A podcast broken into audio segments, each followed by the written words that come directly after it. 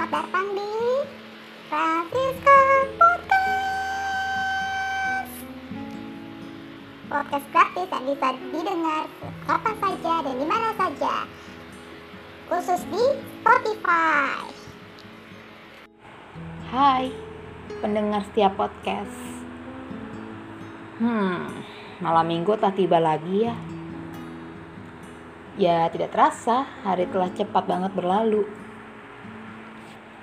Oke, malam minggu ini uh, aku pengen membahas tentang perasaan depresi dan juga perasaan rasa kehilangan ataupun kesepian. Hmm, kalau dibahas tentang depresi,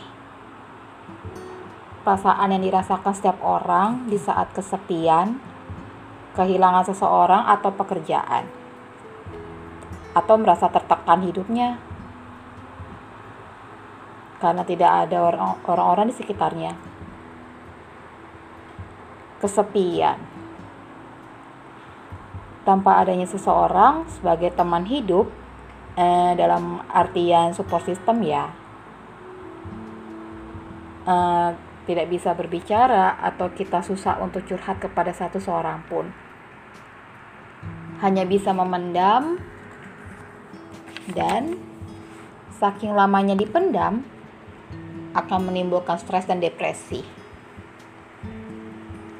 Kalau aku ceritakan pengalaman aku, aku pernah kok merasakan hal yang sama.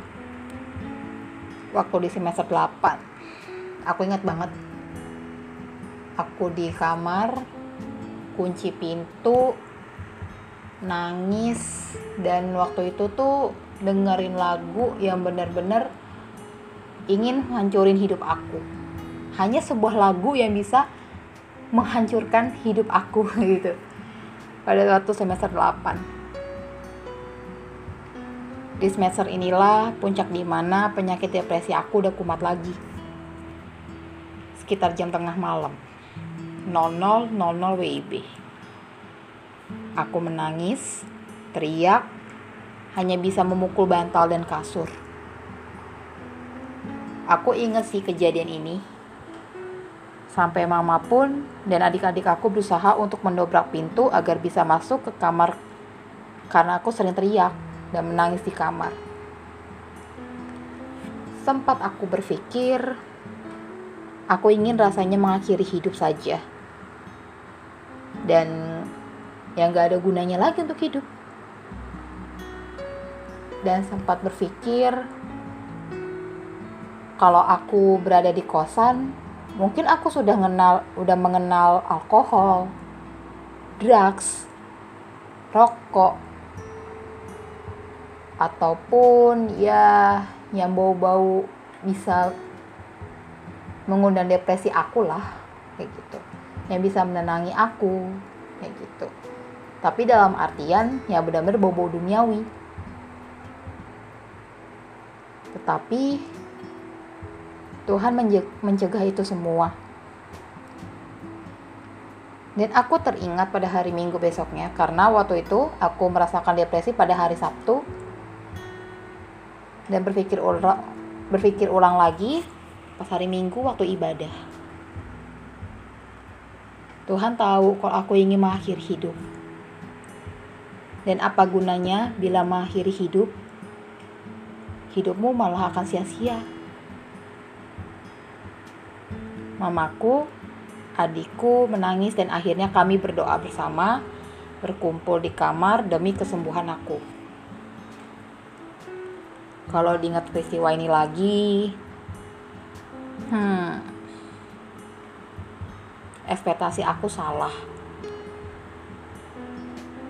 Aku kira aku sudah sembuh total dengan depresi ini. Ternyata terulang lagi.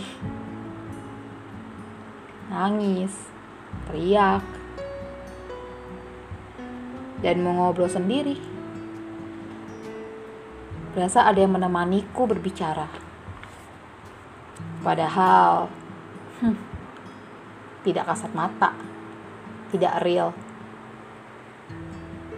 tapi untuk diriku sendiri, itu suatu kelegaan bagiku.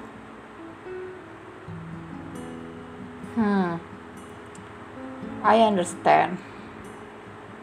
Sekarang aku mengerti bahwa tidak perlu terlalu mengejar target yang kita inginkan sampai pada akhirnya lupa kesehatan mental dan fisik. Aku menonton suatu channel YouTube tentang ODG, ODGJ atau bisa dibilang orang gangguan jiwa ya. Sampai-sampai aku menonton salah satu pasien ODGJ yang dulunya mahasiswa uh, mahasiswa semester 6 lah ya. Apa semester berapa? Aku lupa. Aku nonton di channel YouTube ada ODGJ yang dulunya mahasiswa. Saking ambisnya terhadap impian dia sendiri sampai dia lupa kesehatan jiwanya sampai menjadi depresi. Sebenarnya kita nggak perlu sih menjauhkan orang depresi hanya butuh dukungan dan membuat dia tertawa. Butuh orang-orang yang mau menjadi support untuk kita. Dan jangan terlalu dipaksakan. Yang ada akhirnya nanti malah depresi lagi. Dan terhambat segala mimpi-mimpi kita yang sama ini kita ingin mewujudkannya, tapi terhalang oleh rasa depresi kita, kesepian kita. Yuk, move on yuk, move on. Kita berjuang bareng.